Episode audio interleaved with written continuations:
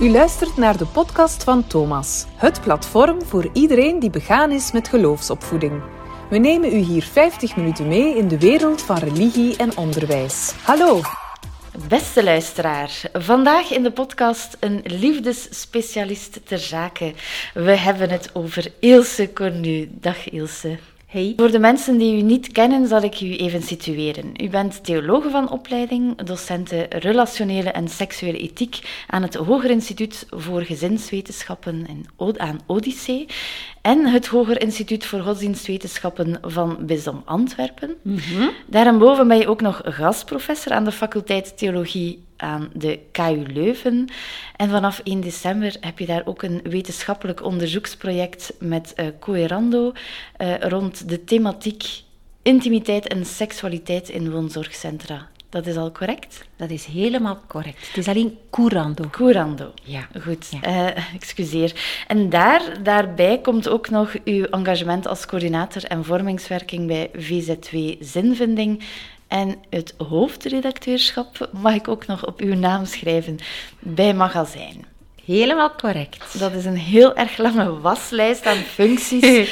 Stel, u komt iemand tegen die u niet kent, hoe omschrijft u zelf dan? Mag ik dan zeggen dat de rode draad relationele en seksuele ethiek is? Of, ja, eigenlijk wel. En zingeving, zou ik erbij ja. zeggen. Omdat als je spreekt over ethiek, dan koppel ik dat altijd aan zingeving.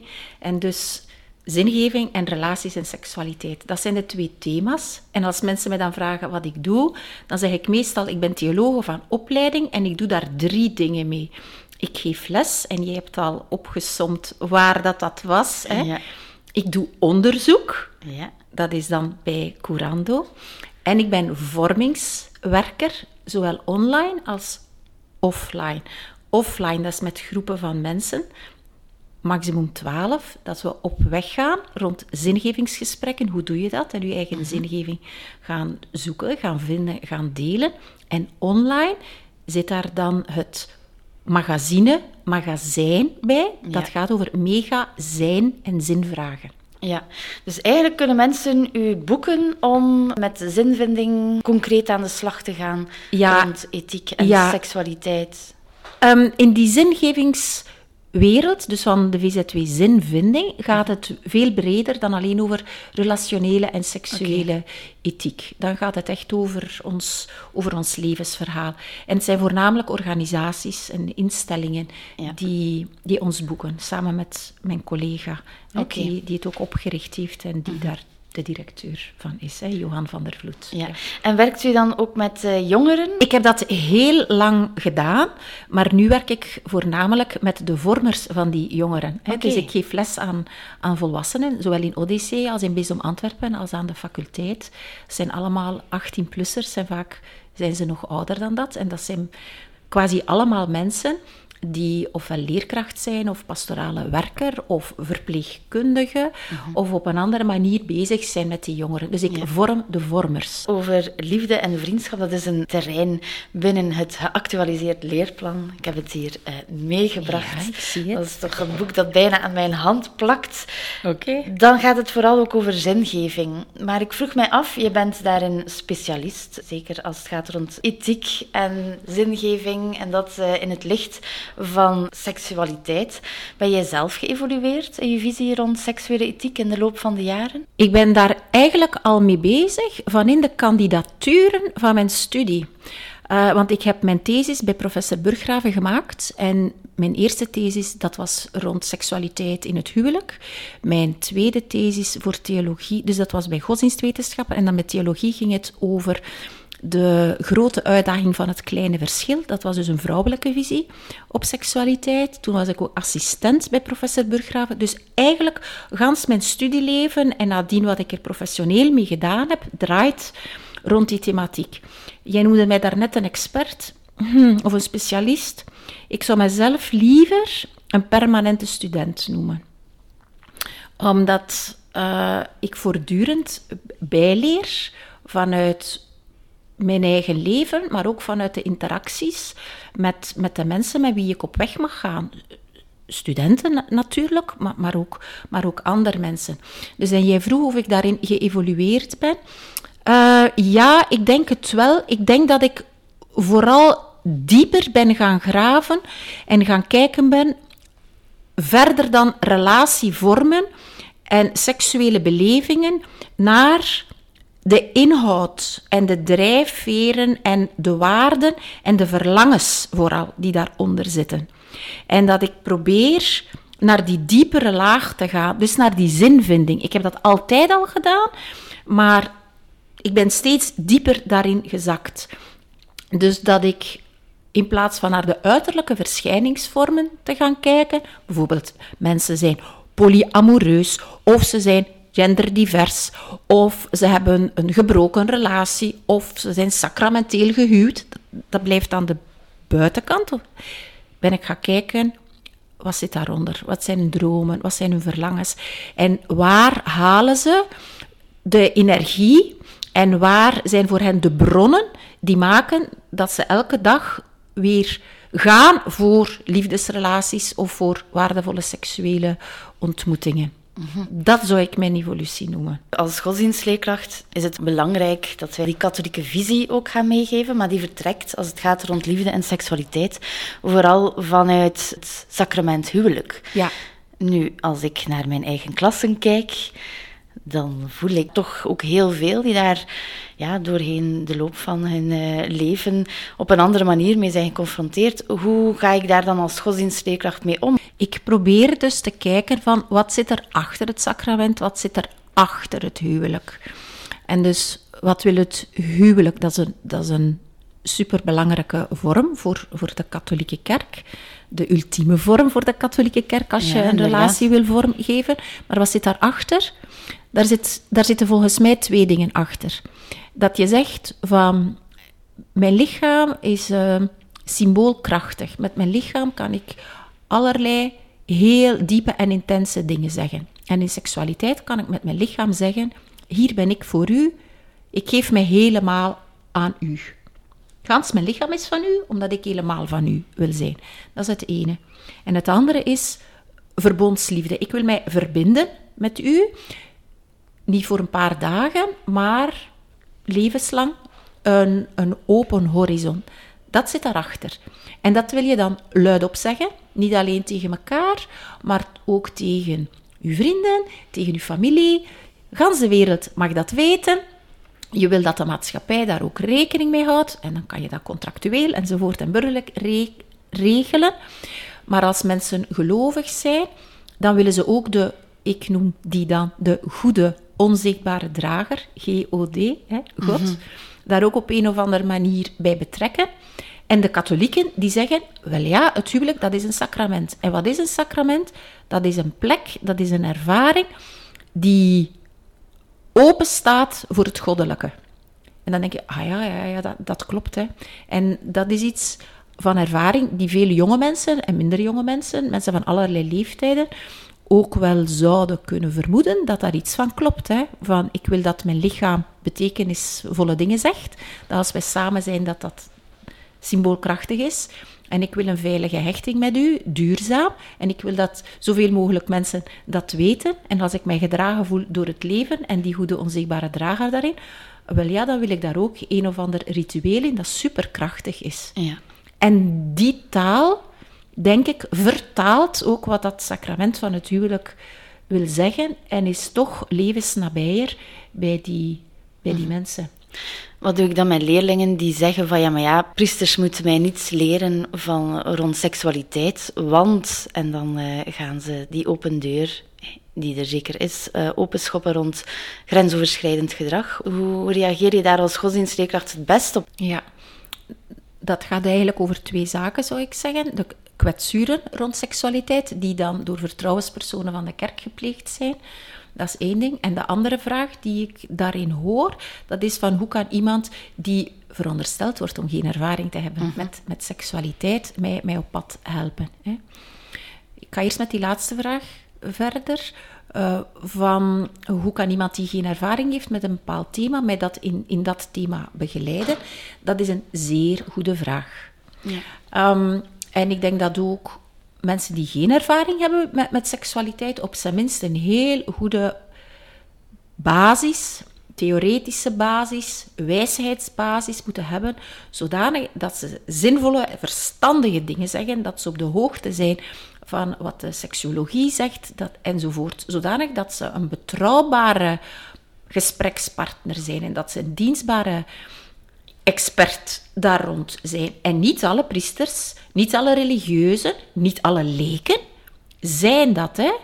Jij hebt daar mensen die meer en minder rijp zijn. Dat is zo. Dus ik, ik zou zeggen van, inderdaad, als je met iemand praat rond zo'n thema, Zorg dat je je goed voelt bij die persoon. En dat is niet alleen emotioneel, maar dat hij ook voldoende intellectuele bagage daar rond heeft. En sommige priesters hebben meer intellectuele bagage daar rond als, als sommige leken. Want dat brengt ons op dat andere stukje. Je hoeft niet met alles ervaring te hebben om toch rond die thematiek te kunnen spreken. Hè? Bijvoorbeeld iemand die genderdivers is, die heeft misschien, misschien geen ervaring met hetero-contacten, maar die kan daar wel heel zinnige dingen over zeggen. En als iemand hetero is, kan die ook heel zinvolle dingen zeggen over genderdiversiteit. Iemand die geen kinderen heeft, kan toch zinvolle zaken zeggen over opvoeding. Je ziet wat ik naartoe wil. Hè? Ja. Maar het moet wijs zijn. Gefundeerd zijn. Het moet gefundeerd zijn. Ja. ja. ja. Het andere aspect dat je daarnet vroeg, dat was over die kwetsuren die door de katholieke kerk, door, door mensen van het geloof, uh, aangedaan zijn hè, aan slachtoffers. Gans de, de zaak van seksueel misbruik. Ja, dat mensen, leerlingen, kinderen, volwassenen, wie dan ook, daar een ongelooflijke aversie, een ongelooflijke woede, een ongelooflijke afkeer tegen hebben, dat bewijst alleen maar dat hun geweten en gans hun psychologisch systeem heel goed functioneert. Mm Dat je zegt van dit kan niet, dat is super over de grens. En ook dat ze verwachten dat mensen die praten over relaties en seksualiteit in heel mooie bewoordingen en met mooie idealen, idealen die soms te ver zijn, dat, dat, die, dat die geen voorbeeld zijn. Dus en dan vind ik uh, het heel goed dat ze dat te berde brengen. En dan vind ik ook dat kerkmensen, of dat het nu theologen zijn, of, of priesters, of, of wie dan ook, daarover moeten het gesprek aangaan en, en moeten luisteren. Dat zijn gewoon pertinente vragen. Als ik kijk naar de klassen die voor mij zitten, denkt u dat de jeugd dan vandaag anders of veranderd is? Of zijn ze op zoek naar hetzelfde als de vorige generaties? Ik zou zeggen en, en. Mensen blijven altijd op dezelfde manier in elkaar steken met hun verlangen naar veilige hechting, zal ik het maar zeggen. Dus jongeren blijven dat verlangen naar duurzame liefde in hun hart gewoon voelen. Ook al gaan ze de liefdesvormen anders invullen waarschijnlijk. En dat hangt dan wel samen met onze hedendaagse context. Vroeger, als we een eerder, eerder monolithische katholieke cultuur hier hadden, maar ja, dat is van voor de jaren zestig, dan waren die paden en die invullingen veel vaststaander en veel rigider. Vandaag de dag kan je heel veel verschillende relatievormen zowel uitproberen als, als kiezen om daar in uw leven voor, voor te gaan.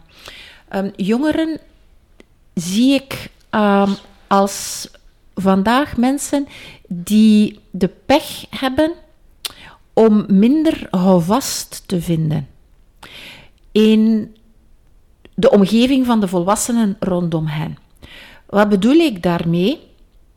In de tijd van mijn ouders en van mijn grootouders had je een heel stevig houvast en een heel stevige identiteit, die soms ook een wurgkoord was, van zo hoort het.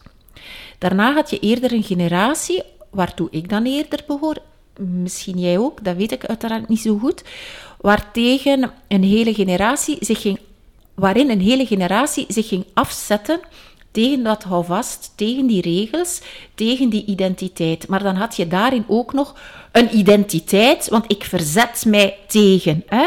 Ik uh, kom in opstand tegen. En dan vond je daarin uw houvast. Ja, maar vandaag hebben jongeren veel meer um, een schipperend gevoel.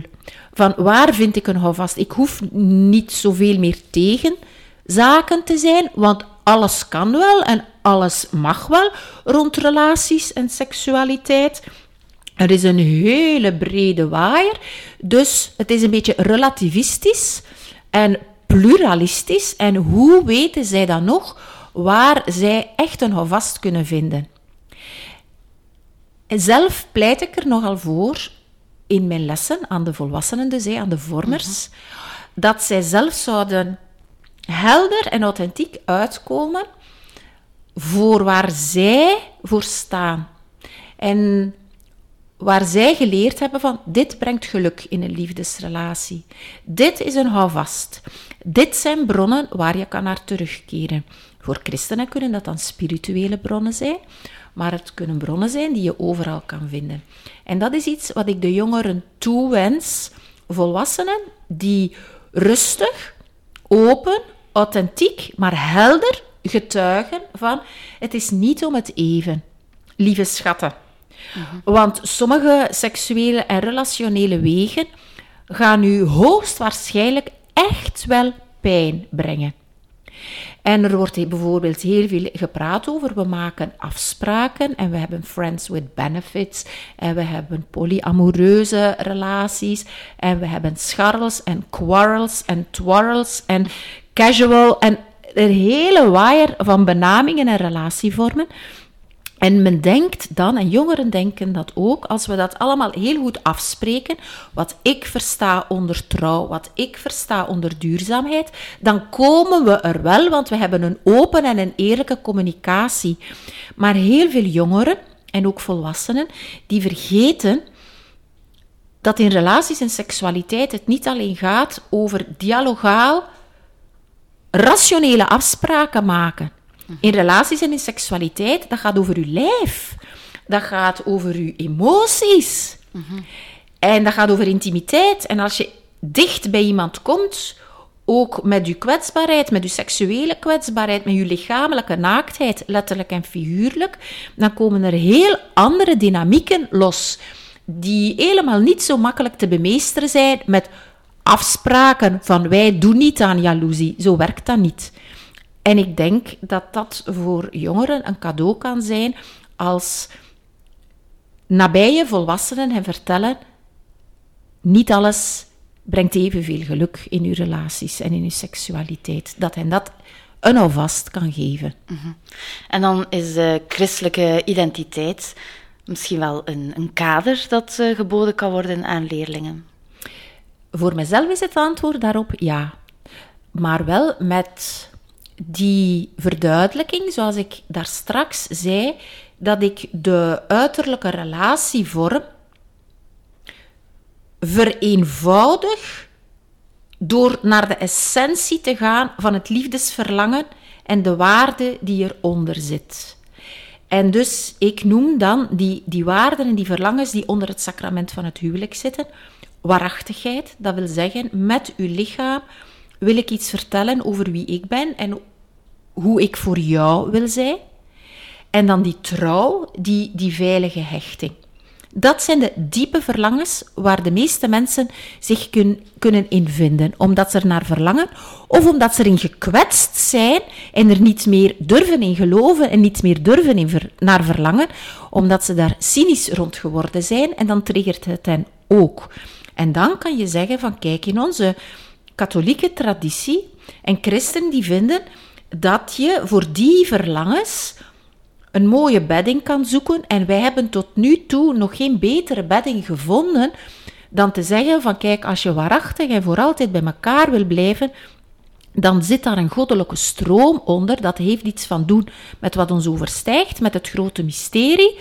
Daarom noemen wij dat een sacrament. En het huwelijk, dat is de minst slechte of, of de beste vorm die wij tot nu toe kunnen verzinnen. Voilà.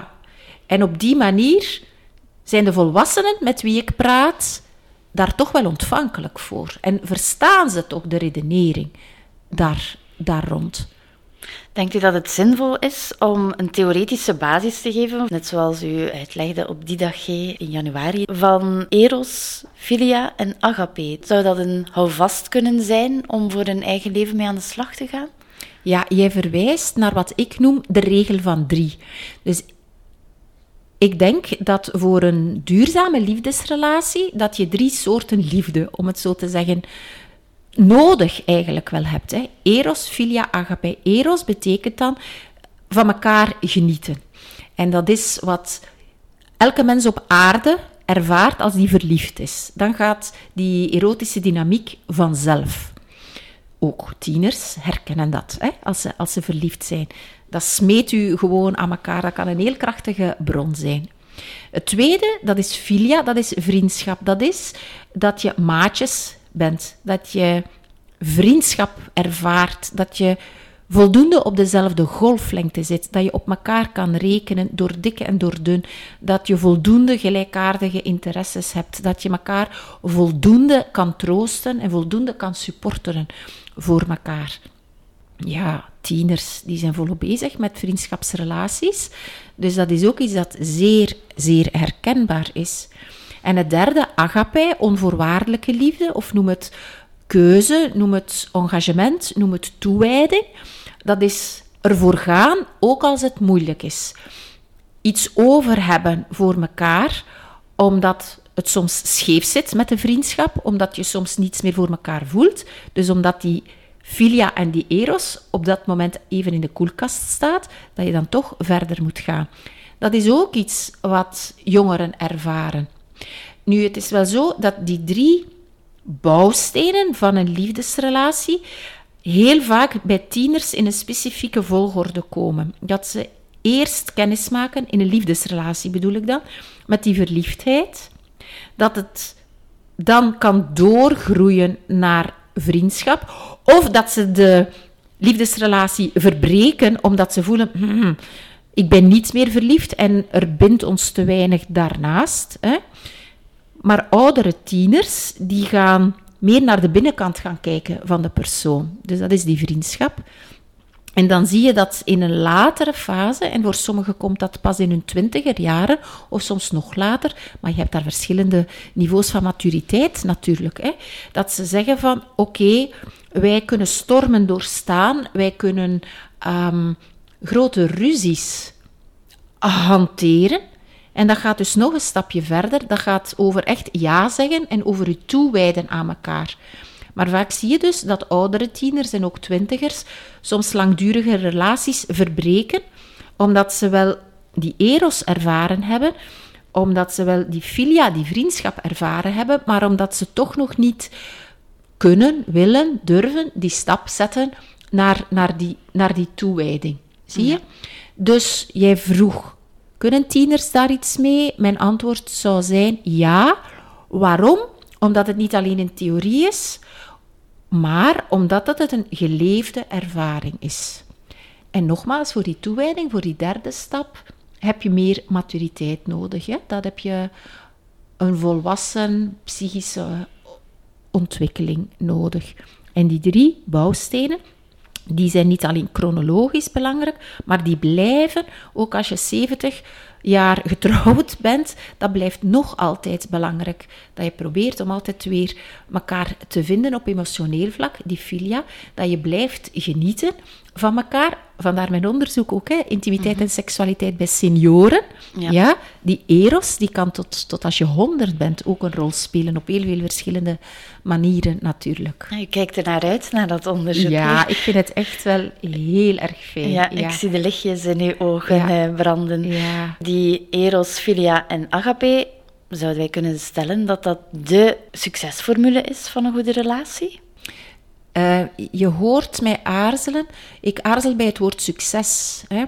Ik zou zeggen dat het uh, inderdaad de, de bouwstenen ja. zijn. En als we die drie samen mogen beleven, ja, dan, dan is het heel fijn in ons liefdesrelatie. Ja.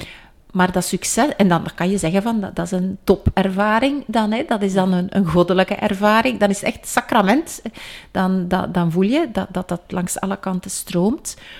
Maar het blijft ook um, een, een stuk verlies altijd. Want die eros, die zit niet altijd goed. Die filia, die zit niet altijd goed. Die toewijding, die zit niet altijd goed. Dus eh, tegelijkertijd blijven het ook uitnodigingen. En die uitnodigingen zijn soms ook uitdagingen.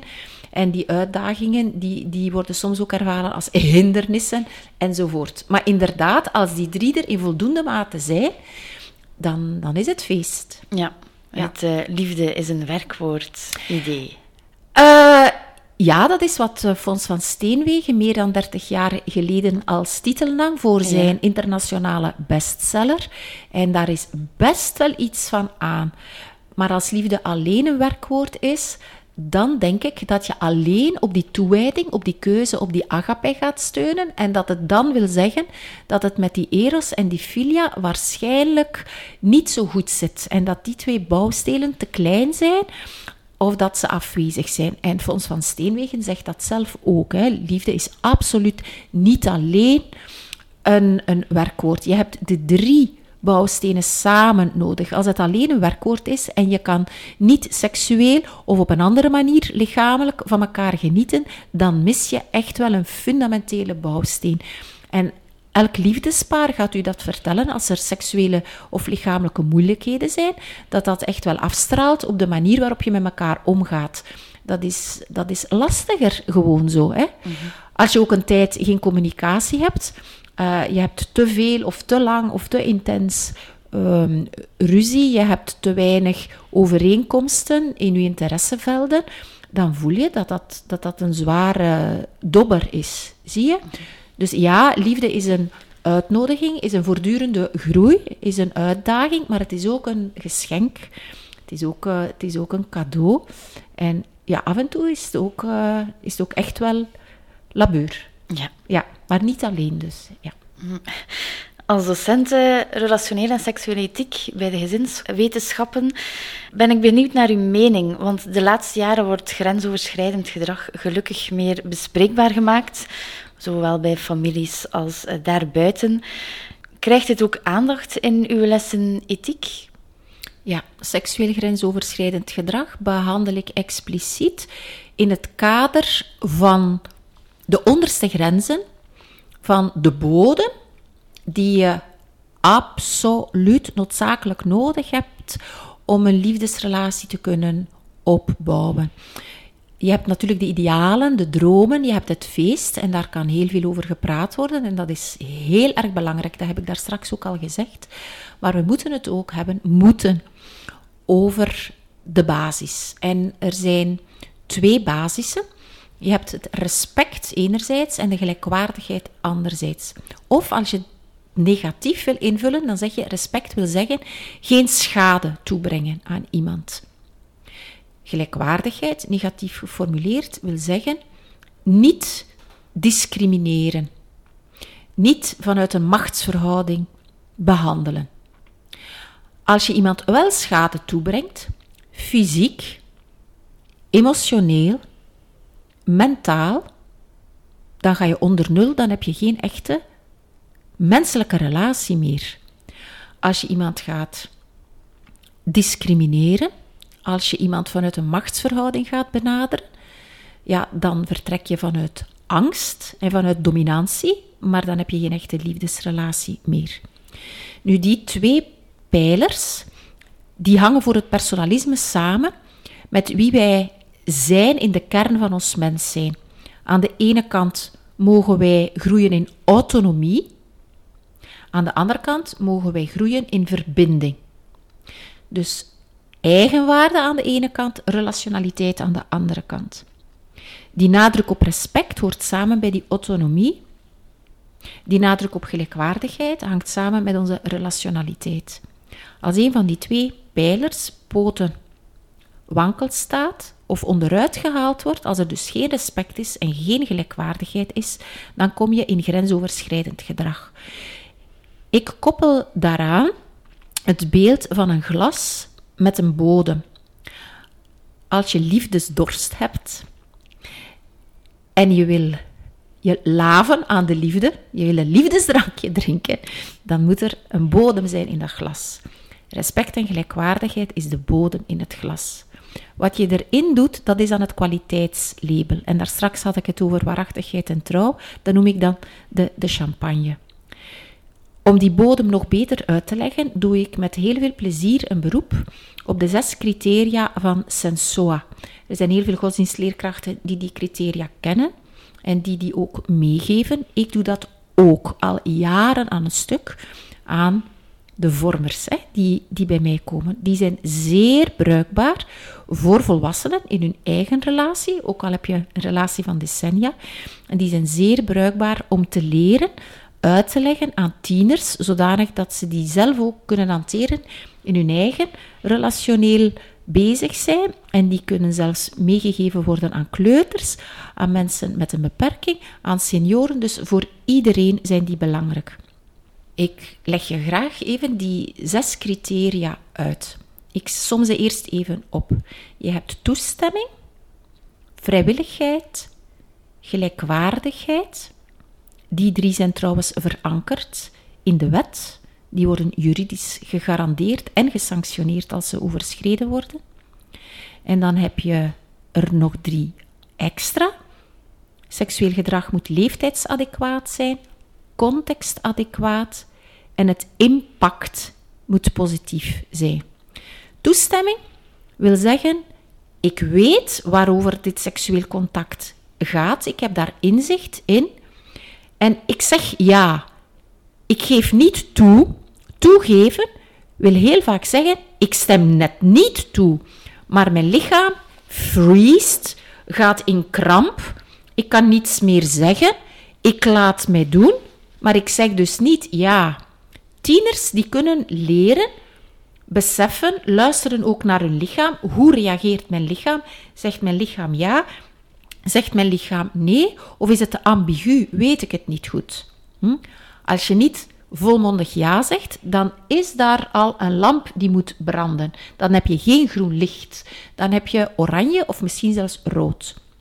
Vrijwilligheid wil zeggen, stel je de vraag, is mijn wil vrij of wordt mijn wil gemanipuleerd? Word ik bijvoorbeeld emotioneel gechanteerd?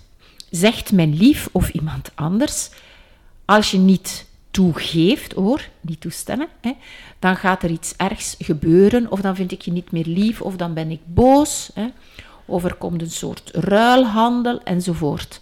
Als je dat merkt, dat je gemanipuleerd wordt, of als er geweld gebruikt wordt, dan is die tweede pijler niet in orde. Dan gaat daar een waarschuwingslamp branden. De derde pijler is de gelijkwaardigheid. De verhouding tussen ons beiden moet voldoende gelijkwaardig zijn, zodanig dat ik weerbaar ben. Het machtzo'n-evenwicht mag niet te groot zijn. En dan wordt er klassiek gedacht natuurlijk aan iemand die gezag heeft over mij die mij kan bevelen. Hè. Bijvoorbeeld een, priester die moreel gezag had, dat is gans de situatie dan van, van in de kerk, maar ook een leerkracht of, of een leider, of iemand die een te groot leeftijdsverschil heeft met mij, die dus te veel ervaring al heeft, of te, of te veel kennis heeft, of die te veel geld heeft, zodanig dat ik mij niet voldoende kan weren, dan is die gelijkwaardigheid niet, niet gegarandeerd. Dan gaat weer de lamp branden. Dat kan je absoluut aan, uh, aan studenten en aan leerlingen echt uitleggen. Hè. Daar komt ook de, de groepsdruk trouwens bij. Hè. Want in sommige klassen, in sommige vriendengroepen, wordt er min of meer expliciet of impliciet druk uitgeoefend van dat je toch op een bepaalde leeftijd seksuele ervaring moet hebben, want dat je anders er niets meer bij hoort. Zie je, die vrijwilligheid, die gelijkwaardigheid, die toestemming komt dan onder druk te staan.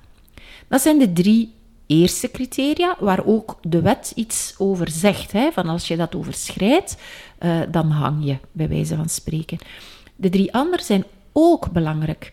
Leeftijdsadequaat of ontwikkelingsadequaat wil zeggen, het moet passen, adequaat zijn, bij mijn leeftijd. En daar heb je een, een grote waaier van verschil in, in maturiteit. Niet alle 17-jarigen zijn toe aan een bepaalde vorm van, van seksualiteit. Hè. Um, of ook in onze relatie. Dat kan zijn dat, dat onze relatie er nog niet klaar voor is, er nog niet aan toe is om al te intiem te zijn. Dat is gans die, die thematiek. Hè. Contextadequaat wil zeggen Wat je doet op je slaapkamer kan passend zijn, adequaat zijn, maar tieners moeten leren, en dat is bij hen een emotionele ontwikkeling en een sociale ontwikkeling, dat er ook zoiets bestaat als een relationele en seksuele etiketten. Dat, je, dat het niet zo'n goed idee is om uh, buiten aan de schoolpoort of uh, in de toiletten uh, seksueel bezig te zijn. Daar hebben zij soms wel hulp bij nodig. Hè. Bepaalde zaken kan je op die plek wel doen, maar niet waar andere mensen onvrijwillig en ongaarne getuigen zijn van allemaal die, die fijne toestanden voor hen. Hè. En dan het laatste criterium, dat gaat over het impact. Wat doet dit met mijn zelfbeeld als als ik seksueel getinte berichten of foto's van mezelf doorstuur, wat is het impact daarvan op kortere of op lange termijn? Wat is het impact op mijn zelfbeeld? Uh, hoe kijk ik in de spiegel als ik bepaalde dingen doe of, of, of niet doe? Dat heeft ook te maken met het gebruik van bijvoorbeeld voorbehoedsmiddel. Want het fysieke, het lichamelijke impact kan zijn dat ik een seksueel overdraagbare aandoening oploop of um, dat ik ongewenst zwanger word als ik niet zorg voor anticonceptiva. Mhm. Die zes minimale criteria zijn echt een hulpmiddel om aan leerlingen te helpen aftoetsen. Hoe zit dat bij jou? En als die criteria niet in orde zijn, dan heb je te maken met groter of kleinere vormen van seksueel grensoverschrijdend gedrag en misbruik. En dat helpt hen om situaties te herkennen en ook te leren voelen in hun lichaam en in hun interacties. En het geeft hen ook de woorden mhm. daarvoor. Ja. Maar stel, als er al mogelijke kwetsuren zijn, hoe ga ik dan als godsdienstleerkracht daarmee om? Ik ben geen therapeut, ver van. Mm ik vertel aan mijn studenten altijd dat relaties en seksualiteit mensen de meest intense gelukservaringen geeft en tegelijkertijd ook in de diepste horror kan storten. En dat die twee soorten ervaringen dus heel belangrijk zijn om te benoemen en te bespreken als dat thema op tafel ligt. En die grenscriteria waar we het daarnet over hadden, die, die helpen om ook bij elk criterium voorbeelden te geven van wat niet oké is en het impact te verwoorden. Dat mensen daardoor getraumatiseerd kunnen zijn. Uh, dat ze zowel fysiek, emotioneel als ook relationeel, dat ze heel bang worden voor, voor relaties. Sociaal, dat ze wantrouwig worden naar naar volwassenen, naar, naar opvoeders, spiritueel soms ook, hè, als het gebeurt in een religieuze context enzovoort. Um, het is belangrijk om dat te zeggen, om dat te benoemen en om dan ook de boodschap mee te geven dat het belangrijk en noodzakelijk en wijs en volwassen is als studenten dat aangeven bij een vertrouwenspersoon. En dat kan absoluut de godsdienstleerkracht zijn, maar zelf zou ik dan altijd doorverwijzen. Als studenten, in mijn geval zijn dat volwassen studenten, eh, eh, dat komen vertellen, dan bedank ik hen altijd omdat ze de moed en de durf gevonden hebben om iemand in vertrouwen te nemen. Dan bevestig ik hen ook in het feit dat ze heel goed aanvoelden op dit moment, op zijn minst van het gesprek, van wat oké en niet oké is dat dat een, een enorm groeimoment is en dat het nu heel goed is om een gebroken been te laten spalken en verzorgen. Mhm. En dan doorver, doorverwijzen. Maar jijzelf kan altijd een aanspreekpunt zijn, maar jij bent geen dokter die gebroken benen kan repareren, maar je kan wel een hand vasthouden ja. en zeggen van inderdaad, je been is gebroken en dat vraagt heel veel tijd misschien wel, om daarvan te helen. Ja, die, die grote woorden, het staat ook in het geactualiseerd leerplan, eigenliefde. Eh, legt dat niet juist een extra last op mensen? Je moet voor jezelf zorgen. Mijn mensbeeld is dat van het personalisme. En dus het personalisme staat op twee benen. Wat ik daar straks ook zei, van die eigenwaarde en van, van die verbondenheid. En als ik in mijn lessen het woordje zelf gebruik, is dat de verzamelterm voor die twee elementen. Dus mijn diepste zelf bestaat uit iemand willen zijn en van iemand willen zijn. En van iemand willen zijn kan relationeel zijn, maar dat kan ook in een groep, een groep zijn. Dus de diepste zelfliefde bestaat voor mij net uit die twee facetten. Dat ik mijn relaties ga verzorgen en dat ik voor mezelf ga zorgen. Dat is het ene stuk. Ik zorg voor mijn relaties, ik zorg voor mezelf. Maar ook het omgekeerde, het ontvangende luik. Ik laat voor mezelf zorgen. En ik laat ook toe dat ik in relaties mag staan. En ik zie inderdaad vandaag de dag dat er meer nadruk ligt op die pool van de autonomie. Ik denk wel dat je vandaag in de maatschappij een tendens ziet om zelfontplooiing vooral in te vullen op een individuele manier. Ik wil gaan voor mijn hobby's, ik ga nu clichés aanhalen, voor mijn carrière, voor mijn goed gevoel. Ik verwijs weer naar vorige generaties. Toen lag de nadruk veel te veel op opofferen, op gaan voor je gezin, voor je relatie en dan vooral vanuit vrouwen, van gaan voor hun echtgenoot en, en voor uw kinderen. Maar dat de slinger soms misschien toch wel een beetje te veel naar de overkant is doorgeslagen. Hè?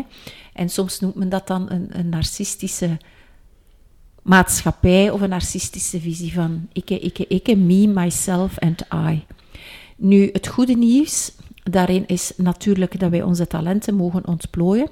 En het goede nieuws, paradoxaal genoeg, is voor mij ook dat dat per definitie een doodlopende weg is als je dat alleen dus op die actieve, autonome pool gaat pinnen. Omdat mensen gewoon zo niet in elkaar zitten. Mensen hebben nood aan relatie. En hebben nood aan ja, die, die veilige hechting met, met betrouwbare, fijne andere mensen. En mensen hebben ook nood om te kunnen geven aan anderen. Dat is ook een basisbehoefte en een basisverlangen.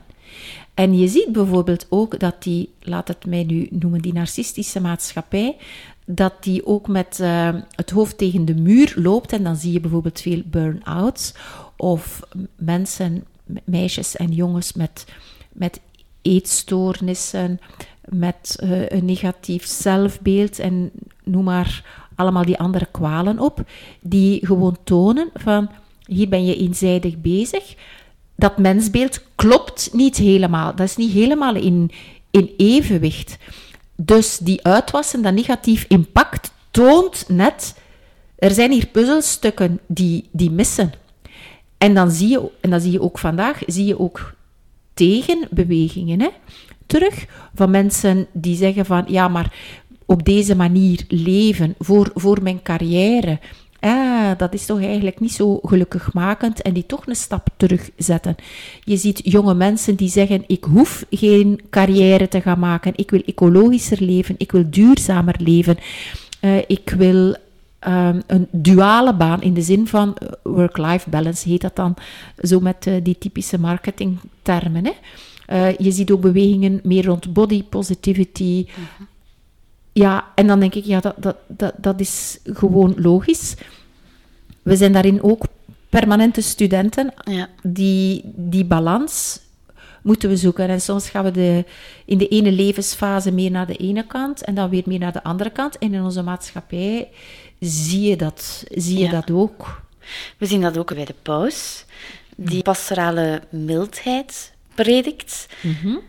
Gaat het ja, u hebt geen glazen bol. Ik heb nee. hier al eens rondgekeken. nee, jammer hè. Ja. Maar wat denkt u, gaat dit blijven? Ik hoop het van ganser harte.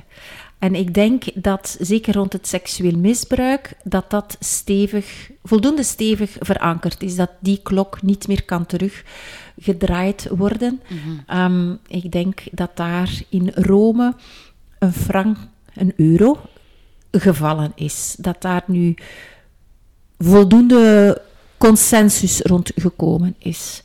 Als het gaat rond genderdiversiteit, ben ik ook hoopvol, maar ben ik voorzichtiger, omdat um, er in Vaticaanse kringen ook mensen zijn, ook van andere continenten, die rond genderdiversiteit een, een heel andere visie hebben dan de West-Europese visie. En dan hoop ik zo hard dat daarin de synodale kijk mag winnen hè, en overeind blijven.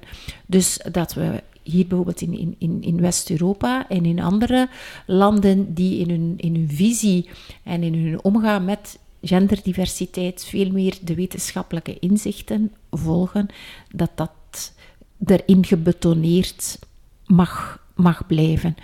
Maar er zijn continenten, ik denk aan Azië en aan Afrika, waar genderdiversiteit niet bestaat, hè, Lisbeth? Wist je mhm. dat niet? Dat is uh, een West-Europese uitwas, hè? Ja, ja, dus uh, daar is er nog een, uh, een behoorlijke weg te gaan. Dus dat is als je toespitst op de MeToo affaires, zal ik maar zeggen. Enerzijds op genderdiversiteit, anderzijds. Maar je sprak daar ook over pastorale mildheid. En dat gaat breder, want dan kan je bijvoorbeeld ook denken uh, aan andere relatievormen dan het huwelijk en andere dan genderdiverse mhm. relatievormen. Maar dan gaat het bijvoorbeeld over echtgescheidenen. Uh, dan gaat het ook over de thematiek van de anticonceptiva. Over die situaties die vroeger irreguliere situaties genoemd werden. Daar zie je dat de paus in Amoris Laetitia bijvoorbeeld veel meer de kaart gaat trekken van we kijken naar het positieve, de kaart gaat trekken van de groeiethiek en de kaart gaat trekken van het persoonlijke geweten en dus van de gewetensvorming. Dat hoop ik van ganser harte, maar er zijn conservatieve stemmen.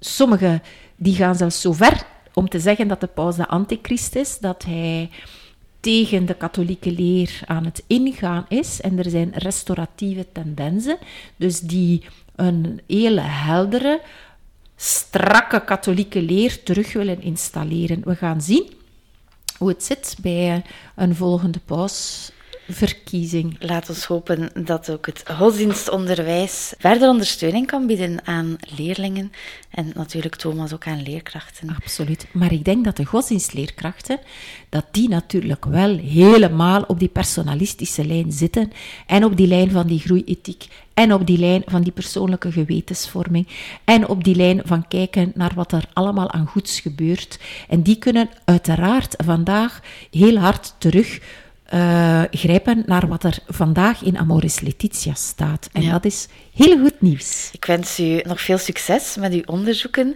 en om in de sfeer te blijven ook heel veel succes in uw relationele wereld. Dank u wel, Ilse, voor dit gesprek. Dank u wel, Lisbeth. Het was heel fijn. Bedankt om te luisteren.